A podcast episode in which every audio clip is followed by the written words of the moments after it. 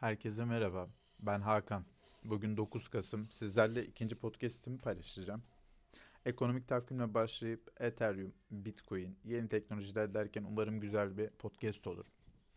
Bugün ekonomik takvimde Euro bölgesinde Almanya ZÜV endeksi var. Endeks geçen ay 22 puan açıklanmıştı. Bu ay ise beklenti 20 puan. Covid döneminde sıkça yapıldığı gibi beklentiler genelde düşük tutuluyor. Açıklanan rakamlarda beklentileri genelde karşılıyor ve piyasalar olumlu yoruluyor verilere. Bugün de DAX endeksi için böyle bir gün olabilir, pozitif bir gün olabilir. Bugünkü diğer önemli gelişmelerde ABD tarafında üfe verisi açıklanacak. Ve Türkiye saatiyle saat 5'te bu veriden sonra da Powell konuşacak. Powell'dan sonra Türkiye saatiyle 7'de İngiltere Merkez Başkanı Bailey konuşacak ve biz de bunları takip edeceğiz. FED tarafında tahvil alımlarını mevcut aylık 120 milyar dolardan her ay 15 milyar dolar azaltacağını açıklamıştı. Ve bu süreci önümüzdeki yılın ortasında bitireceğini duyurmuştu. Powell sabırlı olmaya çalışırken diğer merkez bankaları farklı bir yol izliyor şu anda. Örneğin Norveç Merkez Bankası faizleri arttırdı. Yeni Zelanda da öyle.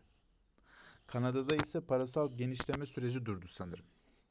O yüzden merkez bankaları ekonomik toparlanma konusunda farklı yollar izliyor diyebiliriz. Ekonomik takvimden sonra petrol fiyatlarına bakalım. Petrol fiyatları da yükseliyor. Şu anda Brent'te 83 doların üstündeyiz. Burada ben e, çok petrol trendi konusunda şunu söyleyeyim.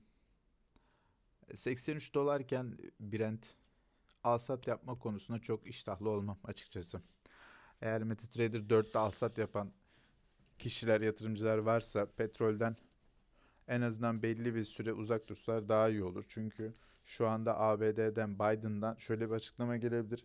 ABD stratejik petrol rezervleri var. Onların kullanımı ile ilgili bir açıklama gelebilir. E, bu da tabii piyasada hareketlik yaratır bir bilinmezlik de yaratabilir. O yüzden petrol işlemlerinden uzak dursak fayda var. Ons altına bakarsak ons altın son iki ayın zirve fiyatlarını gördü. Geçen hafta tarım dışı istihdam verisi son iki aya göre beklentileri karşılamış olsa da FED varlık alımlarını her ay düzenli olarak azaltacağını açıklayınca bu da altın fiyatlamasını yukarı yönlü etkiledi.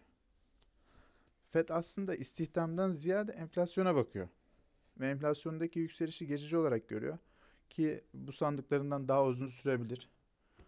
Ons altın için günlük trade yapanlar 1833'te pozisyondan çıkabilirler. Yukarıda 1870 var. Ben ons altında 1833'ten alış yapmam. Özellikle bugün Fed Başkanı konuşacak. Ondan dolayı Euro dolar ve sterlin dolarda da açık pozisyon varsa onları korumak mantıklı yeni bir pozisyon açmaya, yeni bir macera aramaya gerek yok. Özellikle şu gün bir bitsin. İki Merkez Bank Başkanı konuşsun, açıklamalarını yapsınlar. Önümüzdeki süreci ona göre değerlendiririz. Kripto tarafında ise BTC ve Ethereum Chicago opsiyon borsasında işlem görmeye devam ediyorlar. Ethereum 5 Kasım'da yeni zirvesini yaptı. Statüyü doğru değerlendirmek lazım. Ethereum ve Bitcoin hayatımızdan ben çıkacağını düşünmüyorum. Özellikle Ethereum daha sıcak bakıyorum. Hem fiyatından dolayı hem de e, Ethereum bize büyük bir finansal altyapı sağlayabiliyor.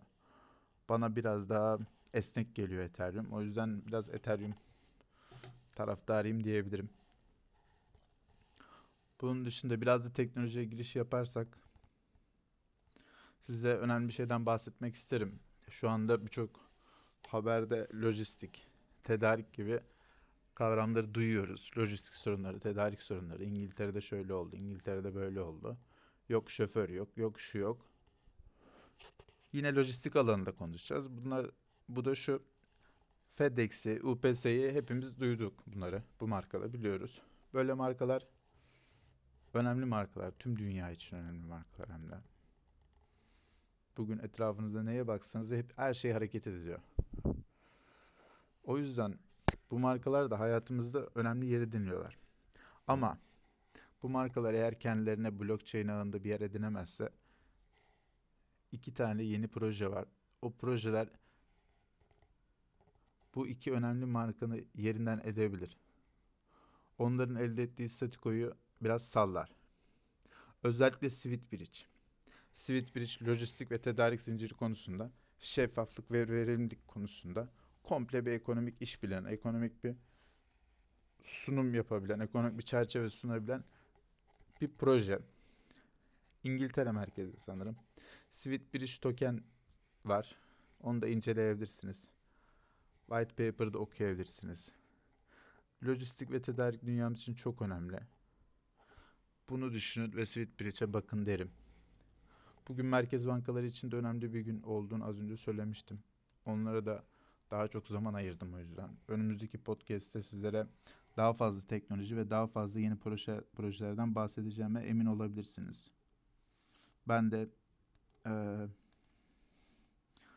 yeni haberler, yeni projeler bulmaya sizin için çalışacağım. Herkese mutlu günler dilerim.